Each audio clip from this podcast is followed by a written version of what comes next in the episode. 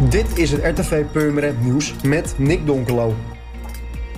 Op dinsdagochtend 12 april stonden de gemeente Purmerend en Noord-Hollands Drugsalert met een speciale kraam op de weekmarkt in het stadje.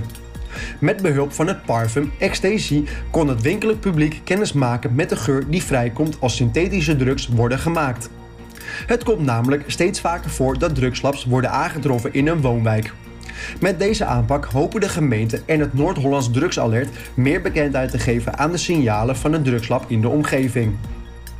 Marktgangers spraken voornamelijk met verbazing over de geur.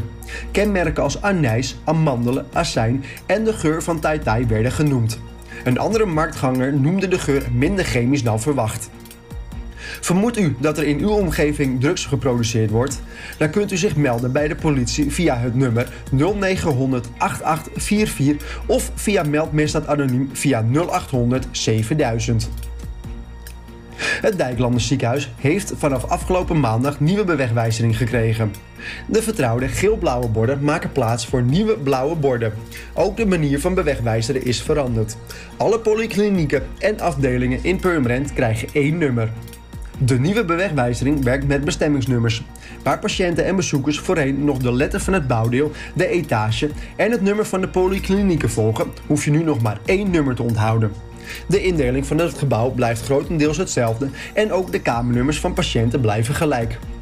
In de afspraakbrief aan de patiënt staat een nieuwe routenummer voor de betreffende poli of afdeling.